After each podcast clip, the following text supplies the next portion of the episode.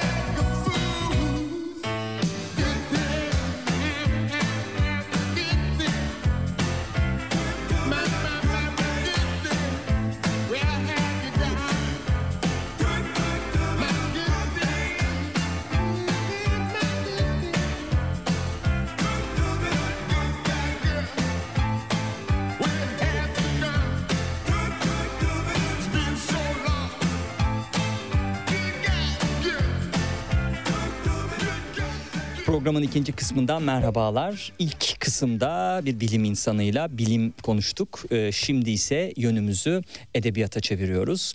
Uzun süredir aslında konuk etmek istediğim ee, bir yazar stüdyomda şu an sevgili dinleyenler. Eyüp Aygün Taşkir e, Taşir düzeltiyorum. Hoş geldiniz. Çok teşekkür ederim. Davet ettiğiniz için de güzel sözleriniz için de çok teşekkür ederim. Evet, bize sizi programda konuk etmek. İletişim yayınları da sağ olsun e, e, bütün e, kitaplarınızla birlikte iletmiş. Evet çok güzel bir külliyat e, oluşuyor. Pür edebiyat e, ve roman üzerine e, her geçen gün e, farklı e, e, alanlarda e, ve yazar da kendini aşarak yeni metinlerle okuyucuyla buluşuyor. E, bir 10 sene sonra 15 sene sonra e, edebiyatta e, ulaşacağı yeri e, yani hayal etmekte zorlanıyorum. Çok çünkü ilk e, günden bu tarafa dört tane bir teslimden bahsediyorum sevgili dinleyenler. E, Eyüp Aygün Taşır e, böyle çok sağlam adımlarla e, adından söz ettirdi. E, Kadıköy'de doğdu 1979 İstanbul doğumlu Marmara Üniversitesi İşletme Fakültesi'nde öğretim üyesi bir profesör e, olarak görev yapıyor. Pozitivist bilimin katı gerçekçiliğiyle edebiyatın kurgusal ve büyülü gerçeklikleri arasında gidip geliyor. Bunu yazar tanıtımından aldım. İletişim e, yayının e, yayın evinin editörlerinin e, aktarımı tırnak içinde.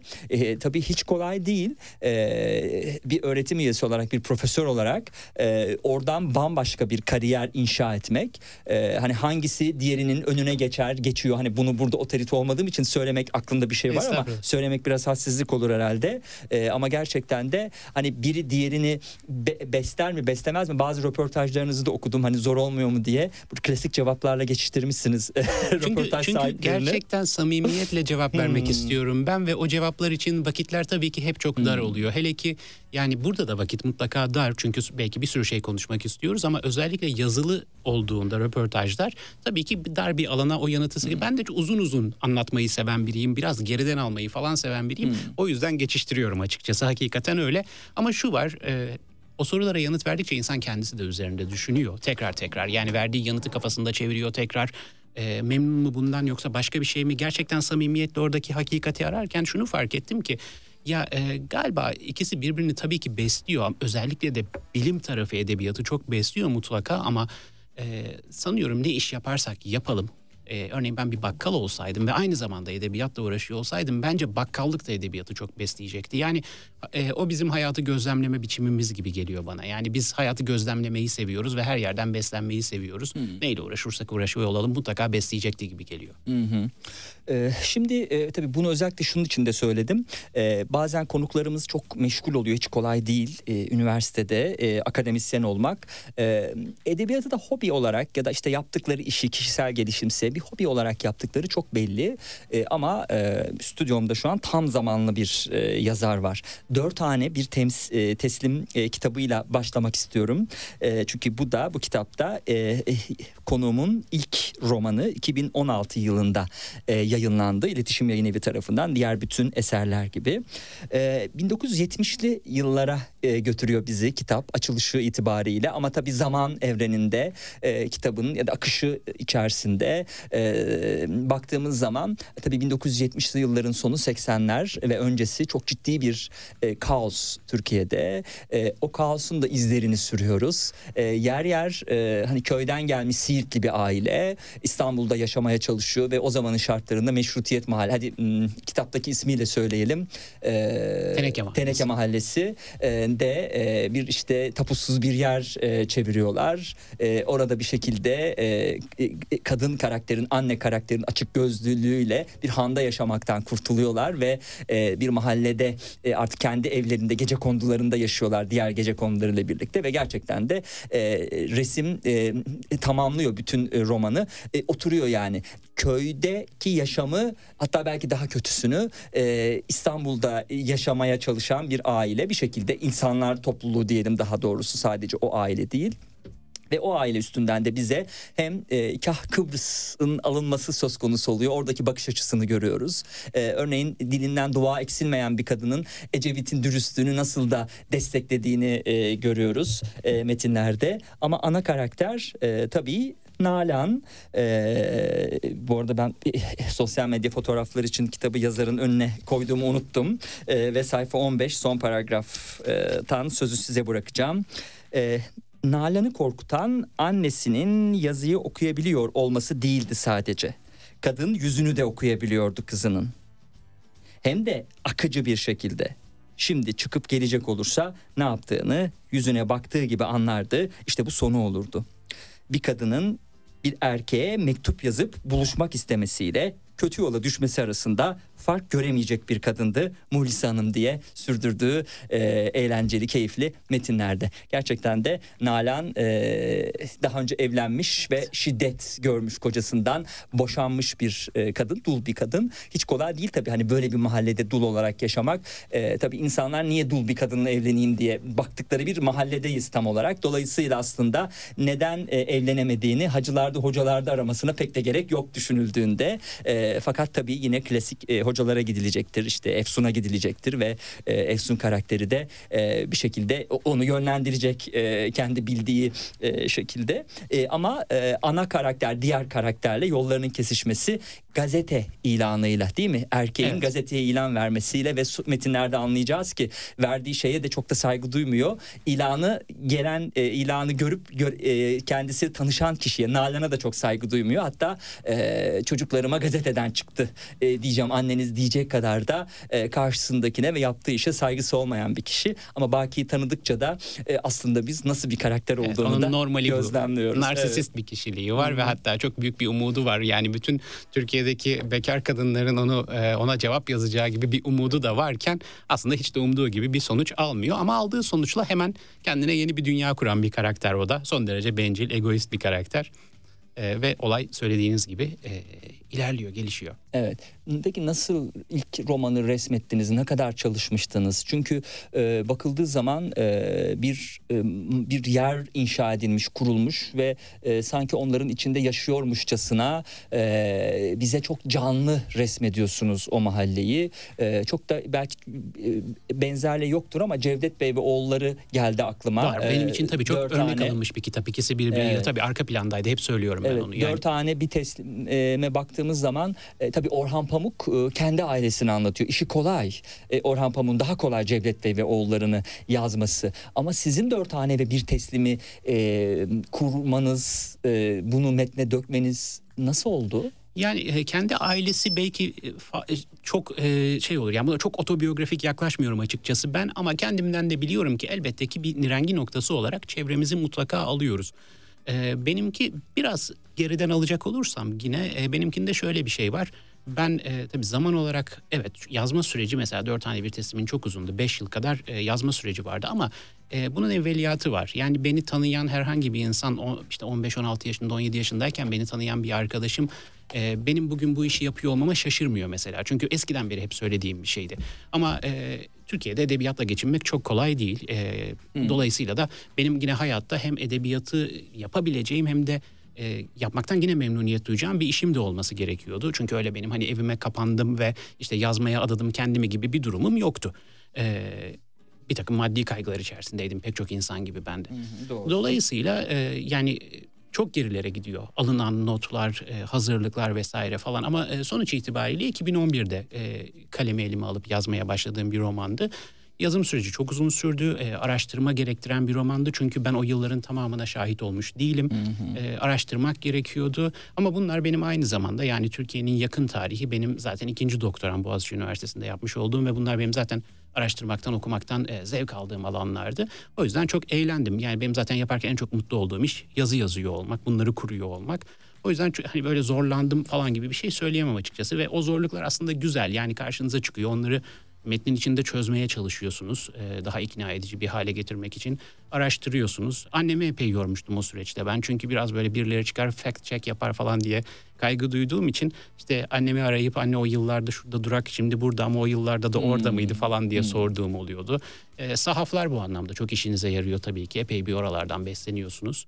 İnsanlarla konuşuyorsunuz. E, epey bir o yanı vardı. Son romanda zaten aslında e, benzer bir mantık ama çok daha yakın bir tarih olduğu için o daha kolay oldu tabii ki. Evet e, tabii okuyunca iki romanı karşılaştırıp acaba bir yerde hani Nispetiye Caddesi geçiyor orada işte Beyoğlu geçiyor bir yerde yolları kesecek mi acaba hani Şişli'ye böyle Fulya taraflarına doğru gidip ya da Nişantaşı taraflarına doğru gidip acaba o aileyle ilgili aslında kesişiyor e, ama ben bir şey söylemeyeyim yani hmm, okura bırakayım evet. aslında kesişiyor. Evet şimdi e, dört tane bir teslim sevgili dinleyenler biz de yer yer tiyolar vereceğiz.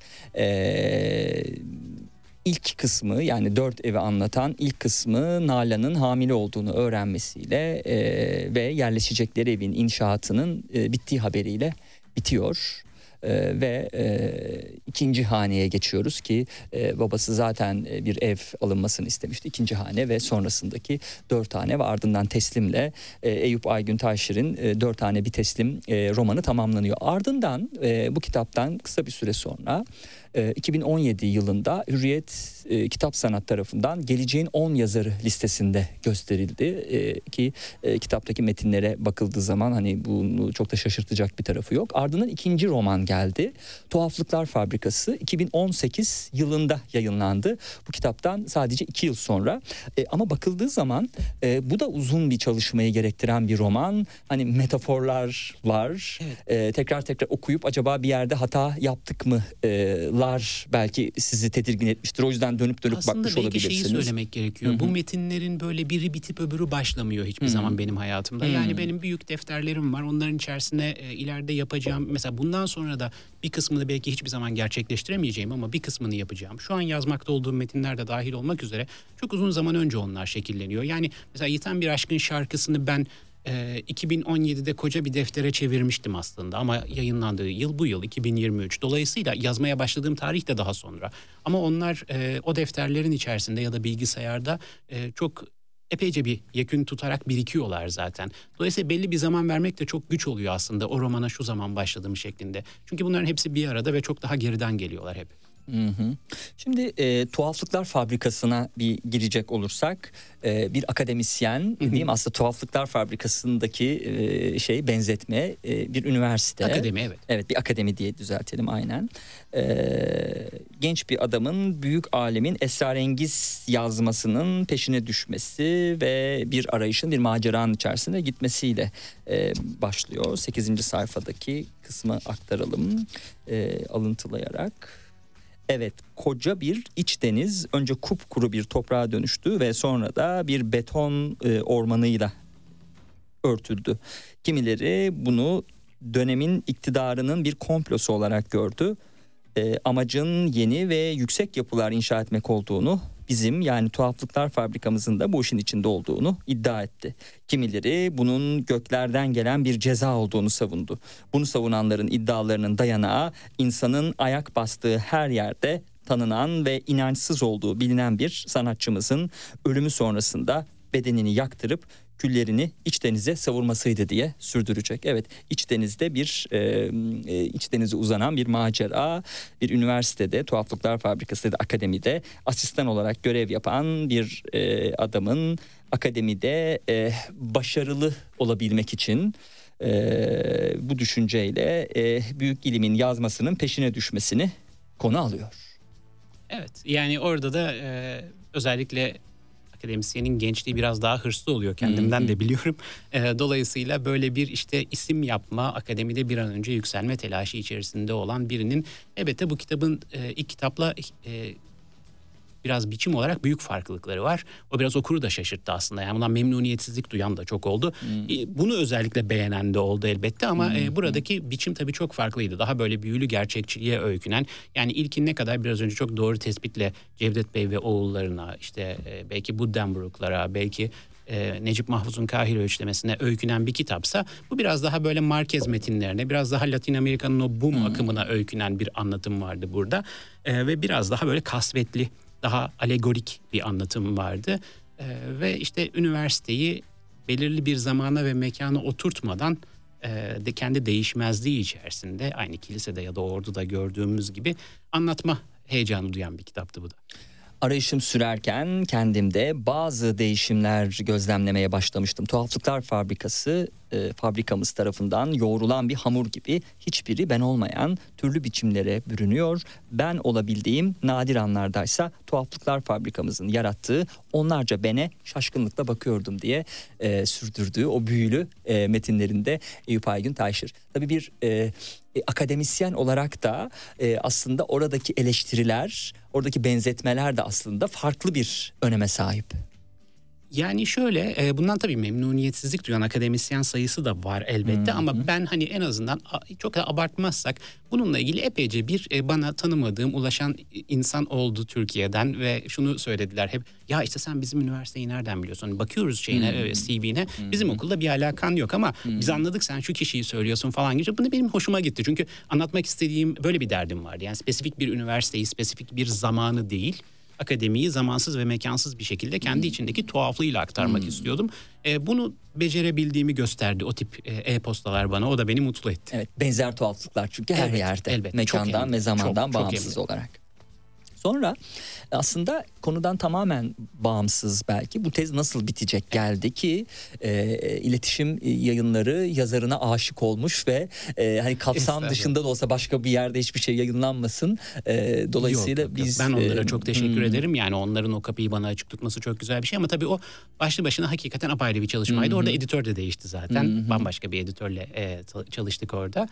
E, eksik olmasınlar. Çok ihtiyaç olduğunu düşündüğüm bir şeydi. Kendi yaşadığım zorlukları e, yeni akademideki arkadaşların yaşamaması ve bu anlamda kaynak bulabilmeleri için yaptığım bir işti. E, benim de doçentlikten profesörlüğe geçiş sürecimde zaten yapmayı planladığım işlerden bir tanesiydi. Hı hı. Ee, ve hakikaten de yerini buldu. Hı hı.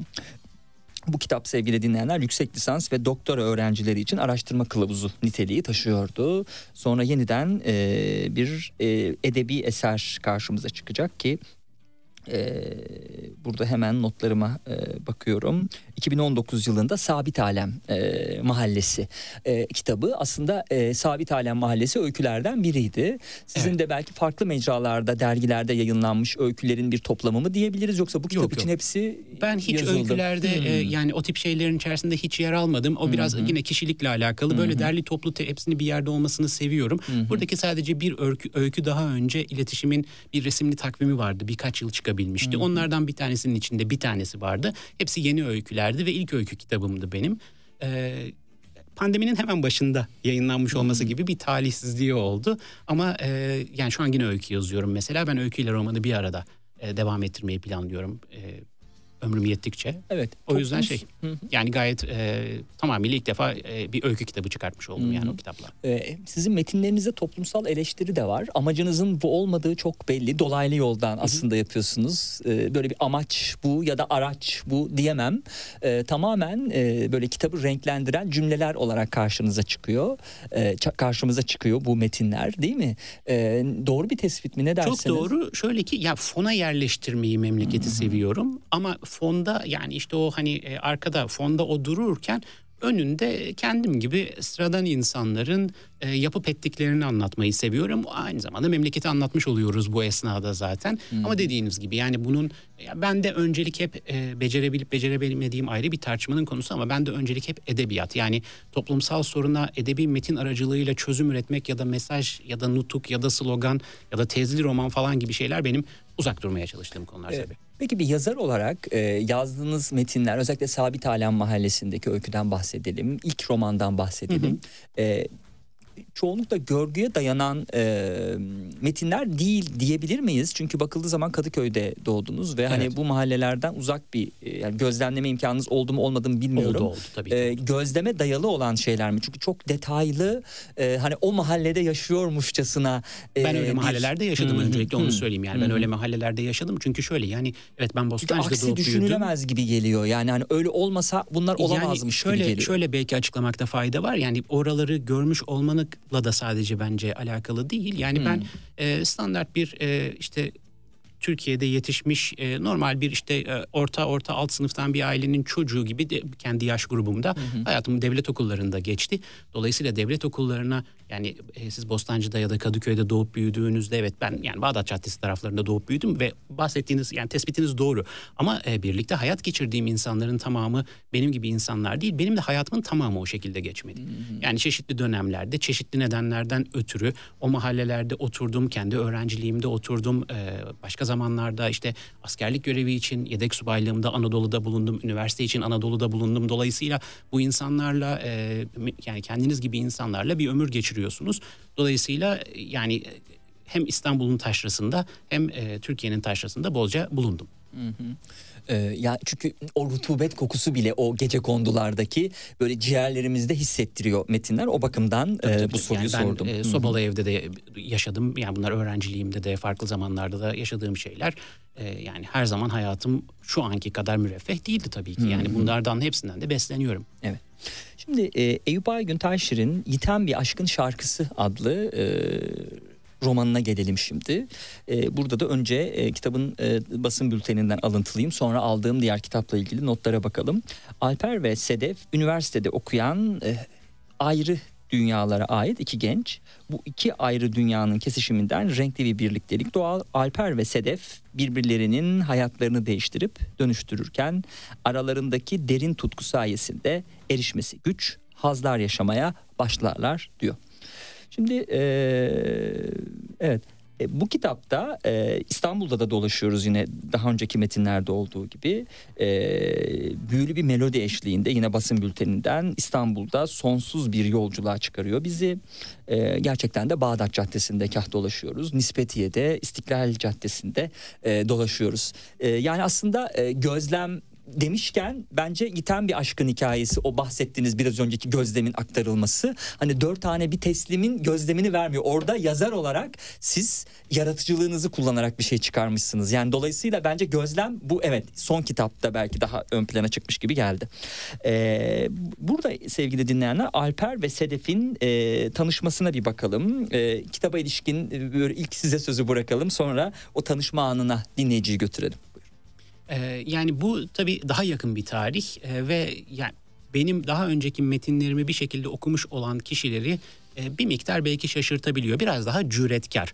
Yani e, en kibar haliyle e, erotizmin daha e, metne yansıdığını, yaşanılanın hayatın içerisinde olanın ben çünkü metnin içinde de olması taraftarıyım her zaman. Oraya bir sansür uygulamamaya çalışıyorum e, kendime bir sansür uygulamamaya çalışıyorum her şeyden önce ve nasıl yaşanıyorsa bu ilişkiler o şekilde resmedilmesi, aktarılması gerektiğini metne de düşünüyorum.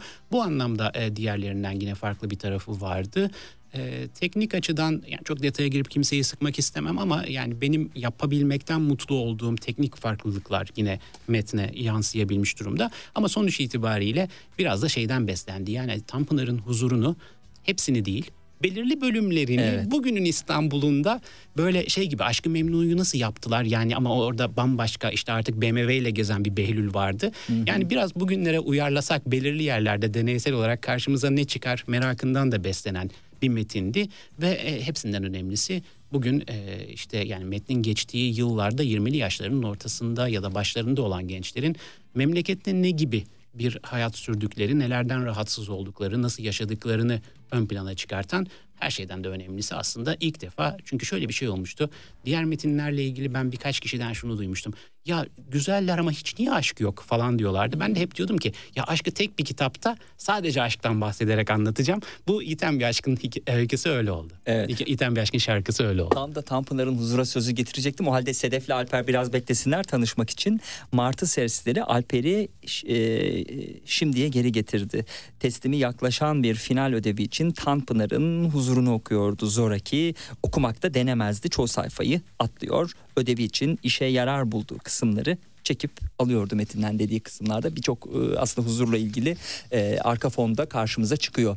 E, nedir Tanpınar e, sevgisi mi hayranlığı mı çok- yoksa çok konsept bir- olarak Yo, öyle çok mi büyük bir hayranlığım var. Yani Türkçenin imkanlarının ne kadar geniş olduğunu göstermek konusunda muhteşem bir insan. Mizahı e, beni kahkahalarla güldürüyor. Özellikle Saatleri Ayarlama Enstitüsü ve hikayelerindeki mizahı. Çok büyük hayranlıyım elbette. E, dolayısıyla yani çok öykündüğüm de birisi. Fakat şu da var ki o biraz da kişisel bir şey. Ben verdiğim çeşitli e, böyle işte yönetim organizasyon, örgüt yönetimi derslerinde saatleri ayarlama enstitüsünü bir dönem okutmayı çok e, istedim, denedim de. Fakat e, bazı herkeste değil ama pek çok öğrencide de metnin Türkçesiyle e, ilgili bir takım sıkıntılar olabildi. Yani zorlandıklarını söylediler. Aslında zorlanacak pek bir şey yok ama o biraz işte işlerine gelmediği için diyelim. E, oralardan da bu e, yani ödev için okumak, e, mecbur olduğu için okumak esprisi falan biraz oradan da çıkmıştı. Yani Alper de tam öyle bir çocuk zaten. Yani e, köşeyi dönmek, işini yapabilmek için gerekeni bir an önce yapıp fazlası için uğraşmamaya çalışan hedonist bir karakter. Evet. Ee, Sedef de işin bu kısmında ondan çok farklı değil aslında yani. Tabii deneysel yaptığınız şeylerden de söz edelim mi huzura ilişkin olarak? Tabii tabii. Mesela yani işte huzurda, huzurda bir ada sahnesi vardır. Değil mi? Yani adada bir toplanırlar. Şimdi böyle. geçseydi ne olurdu? Tam burada da olarak. çocuklar Evet. bir Kadıköy'de işte e, ev partisi diyebileceğimiz bir ortamda bir araya geliyorlar. Yine fonda müzik var. Yine siyaset, memleket e, konuşuluyor burada. Yine işte e, bir takım şikayetler söz konusu. Ama tabii zaman çok farklı bir yandan. E, konuşulanlar çok farklı, gençler çok farklı, dert ettikleri şeyler de çok farklı. Ama tüm bunların altında bence önemli bir benzerlik var. Ben onu sadece bu kitapta değil, e, hem akademik çalışmalarımda hem hayatı kendim deneyimlerken hem de bu edebi olduğunu söyleyebileceğimiz metinlerde onun peşindeyim aslında. Yüzeyde çok farklı gözükenin derinliğinde yatan o benzerlik beni hep çok çekiyor. O yüzden burada da e, huzurla böyle bir takım paslaşmalar var ama beni bu tabii ben şimdi okuma zevkini kaçırmamak adına bir şey söylemeyeceğim ama bütün metinlerimde pek çok hayran olduğum yazarla yaptığım bir şey zaten. Evet. Yani dört tane bir teslimde de hem Marquez'de hem Evet. Orhan Pamuk'la işte biraz önce bahsettiğiniz o iç deniz meselesi aslında e, kara kitaptaki boğazın suları çekildiğindenin e, farklı bir düşünme hali. Yani çünkü şey var o iç deniz daha sonra bir dönem bütünüyle su da basıyor. Yani denizin su, iç denizin sularının çekilmesi değil, iç denizin bir de daha fazla suyla dolması ve şu an var olan İstanbul'u biraz içine doğru almasına dayanan bir metnin tam kalbinde de bir chapter var, bir bölüm var. Şimdi e, Alper ve Sedef'in tanışması dedim sevgili dinleyen. Adım adım e, sizi e, ulaştıracağım. Nereye ulaştıracağım? E, Rütük'le başımızı belaya sokacak bir yere ulaştıracak mıyım bilmiyorum. Bakalım. E, ilk olarak evet Alper gayri ihtiyari arkasına dönüp ne olduğunu anlamaya çalıştı. Sedef'le yüz yüze geldikleri anda Alper güzel olduğu ilk bakışta anlaşılan ve kendisine erişilmez gözüken kişi ve nesnelere karşı bir kalkan gibi kullandığı ilgisizlik maskesini geçirdi yüzüne. Sedef çalışma salonunda sesinin yüksek çıktığı ve rahatsızlık verdiği kaygısını e, kaygısı içinde açıkladı e, diye sürdürüyor. Yani böyle bir e, şey var. E, Bu bir ilk karşılaşma, ilk var. karşılaşma. Evet. Bir zaman geçtikten sonra Alper ve Sedef'in durumu sayfa 101 yürürlerken evet. Yürürlerken ara ara çıplak kolları birbirlerine temas ediyor ve Sedef'in bundan rahatsızlık duymuş gibi görünmemesi Alper'i cesaretlendiriyordu. Lakin aynı anda belki o farkında bile değil diye düşünüyordu Alper. Emin olamıyordu. Sedef gerçekten ondan hoşlanmış olabilir miydi diye sürdüreceği artık e, hani bir şeyleri anlamaya çalıştığı kısımda yine bir zaman daha sonra sevgili dinleyenler Alper'in iç dünyası sayfa 124. Evet. E, Alper'in iç dünyasına kulak veriyoruz. Alper birkaç adım sessiz kaldı. İster miyim bunu e, gerçekten Sedef'le evlenmek? e, yaşlanmak, çocuklarımızın olması o güne kadar kendisine çok uzak gördüğü Senem evlenince e, cehalet, köylülük olarak aşağıladığı evlilik kurumu şimdi kendisine hiç de o kadar mantıksız gelmiyordu diye e, söyleyeceği metinlerde son olarak e, Sedef'le olan diyaloğunda asansör e, şeyine geçelim, sahnesine geçelim. E, nereye ilerlettiklerini anlamak için de asansöre biner binmez diye başlayan paragraf. Asansöre biner binmez sarılıp öpüşmeye başladılar. Asansörün yavaşlığından yaşamı boyunca şikayetçi olan Alper şimdi hızlı hareket ettiğini düşünüyor. İzafiyet teorisini böylece kavruyordu. Sedef'in kalçalarını e, avuçlamış, bedenini kendisine yapıştırmıştı ki asansör durdu diye söyleyeceği metinlerde. Yani nereden nereye Sedef'le Alper'in e, okuldaki karşılaşmaları ki sınıf arkadaşları değil mi? Yüksek lisans mıydı E, acaba? Aynı okulda öğrenciler. Aynı okulda öğrenciler e, onların karşılaşmasından sonra adım adım e, kitapta zaten hani siz ufak bir şey vermiştiniz bu değil sevgili dinleyenler yani asansörde ne olabilir bu değil E, ama e, Yok asansörde bir şey yok. Ama yine de yani hani e, e, e, kamusal alanda bir şeyler oluyor diyelim. Yani. evet evet evet, evet. Başka yerlerde. okuyucuya bırakalım Evet, artık çünkü ben Tabii, de tabii, tabii. e, o kadar ancak rütük zorlayabilirim daha da fazla Yok, yok, zorlayamam. yok, yok. Ben de ben de dinleyenleri şimdi annem kardeşim falan dinliyor. Ha. Ben de onları zorlamayacağım zaten. Peki e, onlara da sevgilerimizi iletelim. E, şimdi e, kısa bir süre önce kitap yayınlandı evet, değil mi? Evet. Mart'ta. Hı hı. Mart Mart ortasında. Evet, e, bir röportaj da vermişsiniz. Duvara verdiğiniz röportajda hem e, toplumsal cinsiyetle ilgili, eşitsizliğiyle ilgili önemli e, bir e, e, konuya değinmişsiniz. Benim bir çabam da diyor Eyüp Aygün Taşir vermiş olduğu röportajda. Oradan sözü size bırakacağım. Toplumsal cinsiyet eşitliğini yazdıklarımda gözetmek, daha cinsiyetsiz bir yerden yazabilmek. Henüz kendimden memnun olmasam da gayretim yoğun. Bunun benim için en önemli göstergesi faillik ya da eyleyen olma diyebileceğimiz agency'nin kimde olduğu. Maalesef pek çok edebi metinde kadın e, ya yok ya da e, agency'si elinden alınmış olarak var. Metindeki varlığı sıklıkla erkek için e, diye sürdürdüğü metinlerde. Buradan size sözü bırakalım. Bu biraz şuradan kaynaklandı. Şimdi ben de bu konudaki bilincimi e, bu yani pek çok insan gibi pek çok erkek gibi e, ataerkil bir aile düzeni içerisinde. Çünkü ben biraz da böyle özellikle e, anne tarafından epeyce bir mütedeyyin ailenin çocuğuyum. Dolayısıyla büyütülürken biz böyle e, tırnak içinde çok erkek e, toplumsal rollerine uygun davranmaya e, zorlanarak büyütülmüş bireyleriz. Bir şeylerin yanlış kaynadığını çok ileriki yaşlarımızda 20'leri geçtikten sonra hı hı. fark ediyoruz. Bunları e, değiştirmek, düzeltmek de çok e, kolay olmuyor. Ve e, o anlamda benim kendi adıma bir çabam var. Yani bunu sadece metinde değil gündelik hayatımda yapmaya gayret ediyorum. Bu anlamda da işte Boğaziçi Üniversitesi'nde yaptığım ikinci doktoranın ve oradaki okutulan bize metinlerin, oradaki hocalardan dinlediklerimizin ve Boğaziçi'nin kendi ortamının tabii çok büyük bir rolü oluyor bunları düzeltmek noktasında olumlu anlamda. Ve e, benim orada o doktorada yazmış olduğum tez edebiyat tarihi, edebiyat, e, yeni tarihselcilikle edebiyatı kesiştiren bir çalışma olduğu için ve gender çalıştığım için orada da o biraz da aslında tez için yaptığım çalışmaların da etkisi oldu. Yani çok metin okumak durumundaydım, çok roman okumak durumundaydım ve okuduğum romanlarda o bahsetmiş olduğum tespiti zaten yapmıştım. Yani e, romanlarda mesela 2010'lu yıllarda yazılmış romanlarda kadın ölümleri çok fazla. Kadın cinayeti çok fazla. Yani dışarıdaki hava metne çok e, sızmış hmm. durumda ve baktığınız zaman çok erkek metinler. Yani e, Türkiye maalesef son 10 yıldır 20 yıldır böyle şiddetin çok e, ayyuka çıkmış olduğu bir ortam. Diziler bunu çok besliyor. Metinler de maalesef böyle olmuş. Bunları okudukça fark ettim. Biraz ondan şikayet eden bir şeydi o. Ben kendi adıma en azından müdahale edebileceğim kendi yazdıklarım var. Ben dört tane bir teslimden itibaren bu şu anlama gelmiyor. Yani böyle süper kadın karakterler, süper güçlü kadın karakterler hmm. hayatın içerisinde onlar var, yok değiller ama bütün karakterlerin öyle olması gerektiği ya da böyle doğrudan bir feminist edebiyat kurmak gibi bir e, gaye değil benim anlatmaya çalıştığım. Hayatın içerisinde nasıl aktifse, ee, yani ben kendi ailemden de biliyorum. Yani annem nasılsa, kız kardeşim nasılsa, eşim, arkadaşlarım nasılsa e, onlar gibi olması gerektiğini düşünüyorum.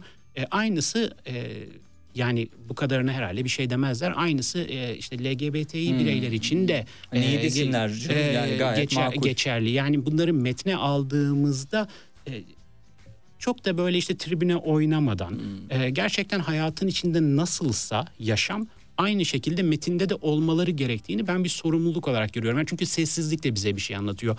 Bu e, yani e, edebiyat eleştirmenlerinden şimdi kimin söylediğini hatırlamayacağım ama Eagleton olabilir ya da işte e, muhtemelen Eagleton'ın da Jameson'ın da olabilir. Metinde neyin olmadığı da bize aslında çok şey söylüyor. Neyi dışarıda bıraktığımız, neyden kaçtığımızı bu da politik bir duruş. Yani neleri metne dahil etmediğimiz. O yüzden ben dahil olması gerektiğini düşünüyorum. Hayatın olduğu gibi orada olması gerektiğini düşünüyorum. E, kadınların da bu anlamda hayatın içerisinde nasılsalar metinlerde de öyle olmalarını gerektiğini düşünüyorum. Ama ben biraz da açıkçası zaten e, pozitif ayrımcılık yap, yapıyorum. Bu benim istediğim bir şey. Yani hani e, kadın karakterler çok daha fazla benim metinlerimde. Hı hı. E, şimdi e, özellikle kitabın tanıtımında geçen hani genelinde de vurgusunu gördüğümüz hani bakıldığı zaman dışarıdan e, hızlı bir okumayla e, aslında e, şey çok anlaşılmıyor yani hani klasik zengin e, kadın e, fakir erkek değil buradaki dengesizlik ya da eğitimli eğitimsiz değil buradaki dengesizlik tam olarak vurgulamak istediğiniz şeyi soralım mı size? Ee, aslında burada farklılıkları var ikisinin kişilik olarak Alper'le Sedef'in birbirlerinden. Bu roman üzerinde bakacak olursak Alper biraz daha böyle hedonist, e, apolitik olmakla yaftalanmaktan hiç de gocunmayan e, zaten etliye sütliye karışmayıp köşede kendi çizgi romanıyla, kendi işte cinsel hayatıyla, kendi sevgilisiyle, hı hı. kendi Eurosportuyla falan yaşamak hmm. isteyen bir çocuk. E, Sedef'te ya aşkı çok önemseyen, hmm. aşkı mucizevi bulan bir karakter.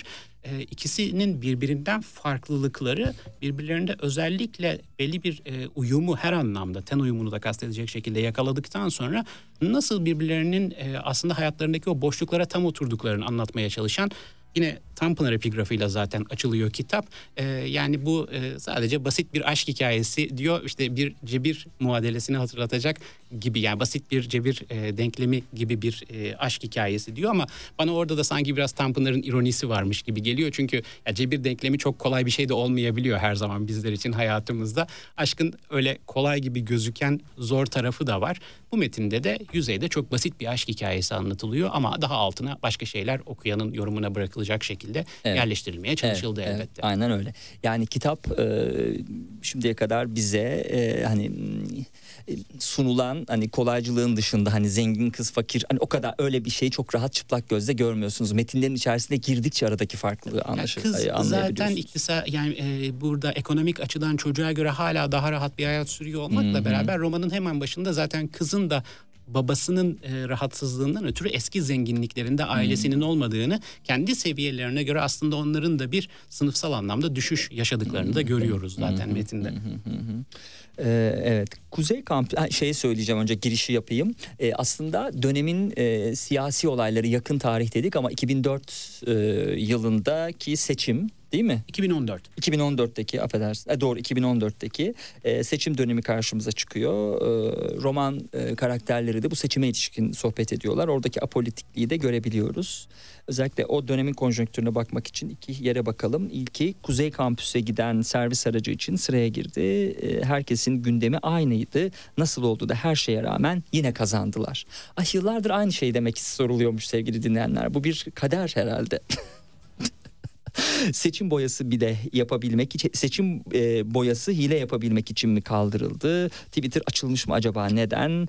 E, hep e, aslında e, bizim e, yakın zamanda o kadar geçmiş mi diyebileceğimiz e, konular ve benzerlerini de e, belki şahit olabileceğimiz farklı baş, başlıca, başkaca konular diyebiliriz. Yine atladığım zaman dönemin konjonktürüne bakmak için ve hani siyasi olaylarına evet sayfa 15 Alper diye başlayan. Evet Alper rıhtımda açılmış propaganda e, standlarından yayılan ideolojik şarkıların, türkülerin, marşların arasında yolunu bulmaya çalışan insanları izliyordu. İki gün sonra Cumhurbaşkanlığı seçimi yapılacaktı ve yaklaşık dört buçuk ay önce yerel seçimlerde istediğini alamayan muhalefet bu sefer rakibine benzeyerek kazanma taktiğini deniyordu.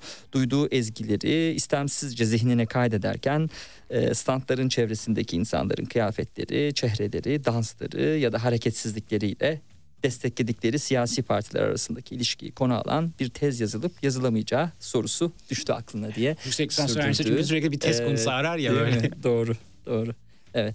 E, peki neden 2014'ü seçtiniz o tarih? Neden e, bu romanın e, mihenk noktasıydı? Aslında şöyle yani e, anlatmak istediğim yaş grubu 90'ların e, hemen başında hmm. doğmuş gençler olduğu için onların yaşını işte ilerletip de bu üniversitenin son sınıfı birinin de yüksek lisansını hemen başında yapınca aslında tarih biraz kendiliğinden e, oralara hmm. gelmiş hmm. oldu. E, fona zaten yerleştirmek istiyordum. O bir, bir yerde seçmek gerekiyor. Bir başlangıç noktası da seçmek gerekiyor. O anlatmak istediklerime uygun olduğu için de oradan çıktım.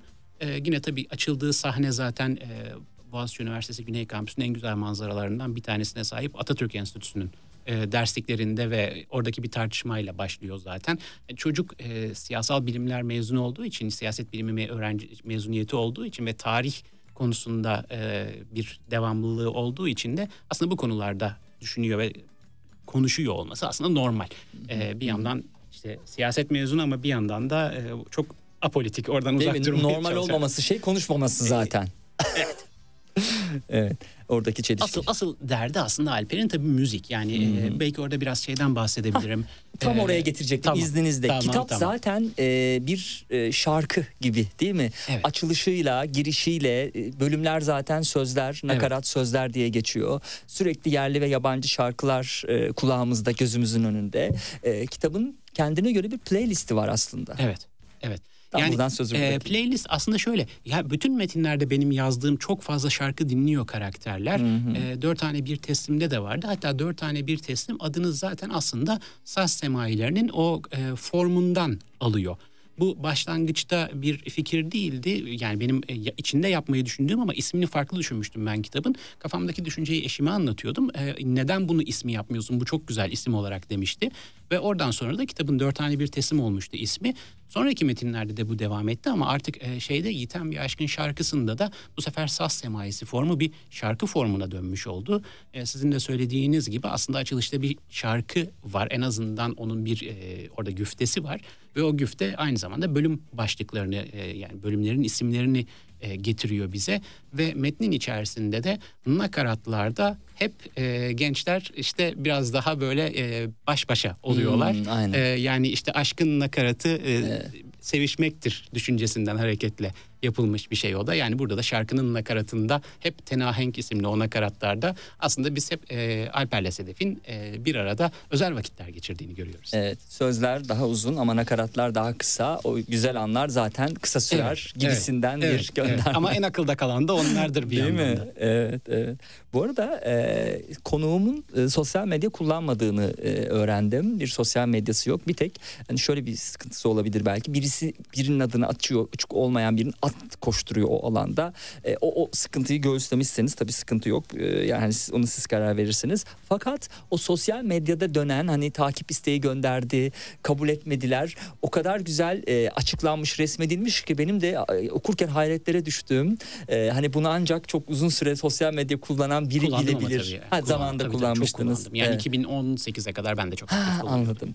E, Sedef ve Alper Alper Sedef'e e, Instagram'dan bir davet gönderiyor sevgili dinleyenler. E, kitabın o kısmında kabul etmemesi bir süre beklemesi ama sonrasında da e, kabul etmesindeki o telaş yani gönderdim neden kabul etmiyor? E, çünkü kitabı evet. açarken de bir erkek arkadaşı olduğunu görüyoruz. Yani Sedef'in acaba o onunla mı değil mi şu evet. bu mu diye evet. Evet. E, kaygılanması e, ve e, bir erkeği delirtmesini e, ama ondan sonra da o işte istek kabul edildi mesajı geldikten sonraki hali Sedef'in yanıtı Alper'in takip isteğini kabul etmek oldu ki bunun için de arkadaşlarıyla falan böyle konuşup uzun şeyler yapıp e, bir kızların kendi arasındaki işte süründür falan hani şu an tam hatırlayamıyorum e çünkü, cümleleri. Öyle öyle çünkü orada şey var yani o e, ilk tanış tabii çok sonrası olduğu için o orada Alper bir e, böyle bir şımarıyor e, hmm. hayatının bir döneminde hmm. Sedef'le hmm. ilişkilerinden e, böyle bir doygunluğa erişiyor diyelim. Biraz böyle bir e, gereksiz e, havalandığı bir noktada aşırıya kaçan bir hareket yapıp bundan birkaç ha, hafta ha, içinde çok büyük bir pişmanlık ha, duyuyor. Evet, o pişmanlıktan sonra e, bir an önce tekrar eski dünyasına geri dönme telaşı içinde ama artık kapıyı kendisi e, çekip çıktığı için de Sedef'in onu kabul etmeme ihtimali var. Oradaki o titreyişini aslında evet, Alper'in biz evet. e, o korkusunu görüyoruz. O esnada da kızlar da kendi aralarında elbette ki konuşuyorlar. Yani evet. ne yapsın Sedef diye. Tabii e, nakarata bağlanacak bu arada sevgili dinleyenler. Mutlu son. Yani en azından o bölüm mutlu evet, sonla evet, bitiyor. Evet. Nakarat sonu, başlıyor. Kitabın sonu değil çünkü burası. Tabii ki. E, Sedef'in yanıtı Alper'in takip isteğini kabul etmek oldu. İzleyen birkaç dakika boyunca e, şekerci dükkanına düşmüş bir çocuk heyecanıyla e, saldırdılar birbirlerinin anılarına. Her gönderiyi altındaki yazısı, beğenenleri, gönderdiği tarihi, fotoğrafın nereden olduğu gibi detaylarıyla analiz edip yargılara vardılar ve yeni sorular e, türettiler. Bu gönderilere dair sorular sormaya başladılar birbirlerine. Daha doğrusu hesap. Yazıştıkça korkulacak şeylerden işkillenmediklerini lakin en masumane buldukları e, gönderilerin en çok kuşkulanmaları gereken anlara ilişkin olduğunu anladılar diyecek. E, yani bunu bir, e, bir sosyal medya e, uzmanı falan ancak bu metinleri yazabilir ama şekerci dükkanı benzetmesine bayıldım. Değil mi? Gerçekten öyle olur evet. ya birinin merak ediyorsak. Ama şey de var yani hem, ben hem kendim de kullandığım için hem de bir yandan da tabii ki yani e, etrafımdaki herkes de çok aktif olarak kullanıyor. Yani orası tabii ki dışında kalabilmemiz e, mümkün, mümkün olmayan değil. bir alan evet. gerek de yok zaten. Ee, ve şey de var tabii yani Alper'in aslında olayı hayal etmek bir yandan da yani çok hayalperest. Ee, o yüzden de böyle şey yapıyor hep e, kitabın zaten açılışı da öyle yani hayaline üstün bir hakikat bir gerçeklik var mıdır sorusuyla açılıyor kitap ki dört tane bir teslim de yine e, hayallerimden ne kadar neden bu kadar hmm. uzakta oturuyordum sorusuyla açılıyordu. Yani bir hayal e, bende de yazdıkça çıkmaya başladı bu hayal kelimesi ve oraya olan bu merak. E, dolayısıyla Alper tabii ki her şeyi kafasında kuruyor. E, hatta o bölümün epigrafı da yine e, Masumiyet Müzesi'ne e, bir atıfla bir şey. Çünkü orada da yani Orhan Pamuk'un çok güzel söylediği bir şey var. Yani bütün erkeklerin yaptığını yapıyordum ben de diyor. Yani sevgilimin e, doğrudan sormak yerine ya da işte öğrenmek yerine kendim kendi kafamda bir şeyler kuruyordum oraya ilişkin. İşte Alper de o dönemi bütününü kurarak geçirmiş durumda. Şimdi onun kurduğu gibi olup olmadığını öğrenmeye çalışıyor. Evet. Ee, tabii kitabın sonunu söylemeyeceğim ama kitabın sonu bir at diyelim ya da işte far, yani bir şey söylemeyelim ya da kitabın sonuna Aslında ilişkin adı, olarak. adı öyleydi. Ee, Hmm, Sabit, mıydı? Sabit Alem Mahallesi'nin son öyküsünün son satırına bakarsanız eğer oradaki karakterin sahaf camında Yiten Bir Aşka Ağıt diye bir kitap gördüğünü Hmm. görürsünüz. Adı Yiten Bir Aşka Ağıt olacaktı. Fakat yazma sürecinde e, yaşananlar neticesinde kitabın adı Yiten Bir Aşkın şarkısı oldu. Ama nasıl hazırlanmışım? E, çok güzel, çok şahane hazırlanmışsınız. Burada tabii şey yani hani Alper de onun altını yazar da bir yerde devreye Aha. girip onun altını Evet. çiziyor. Burada yiten e, şarkı mı, yiten aşk mı aslında yiten tam vurgun nerede? Yani yiten bir aşkın şarkısı mı, yiten bir aşkın şarkısı mı şeklinde e, yazarın kendi konuştuğu yerlerde de e, bir araya giriş ve bunu okuru en azından bu anlamda düşünmeye sevk etme çabası var. Ee, hazırlık muhteşem. Yani ben birçok şeyi siz sorarken aa hakikaten öyleydi falan diye hatırladım. Çünkü tabii ki çok zaman Organizasyonda biraz iletişimde biraz şey oldu yani işin açığı takvim oluşturmakta biraz Hı hı. sıkıntı yaşadık. Yoksa daha daha hazırlanmak lazım sizi konuk ediyorsak. Çok teşekkür Yok, ben ederiz. çok, Sağ olun. çok memnun oldum. Ee, Muhteşemdi. Çok teşekkür ediyorum. Ben bunu ilk defa bir konuğuma söylüyorum. Yani söyleyeceğim. 2016 yılından bu tarafa bu programı yapıyorum ve her hafta iki konuk e, konuk ediyorum. E, Behçet Çelik'in metinlerini okurken çok etkilenmiştim ve e, yani bir akademi ödülü gelmesi gerekir diye zihnimden geçirmiştim ama söylememiştim. E, metinlerinize baktığım zaman hani bu aklımdan geçen şeyi söylemek e, zorunda hissediyorum kendimi. Bence bir 10 yıl sonra e, yaratacağınız külliyatla e, bence Türkiye'den ikinci bir kişi Nobel alacaksa bu siz olmalısınız. Yani bu çok büyük mutluluk verir. Çok teşekkür ederim böyle Size bir şey antika söylediğiniz için. bekçisini hediye etmek istiyorum. teşekkür ederim. Yuri Dombrowski. E, bu kitap çeviri e, bilimden çıktı.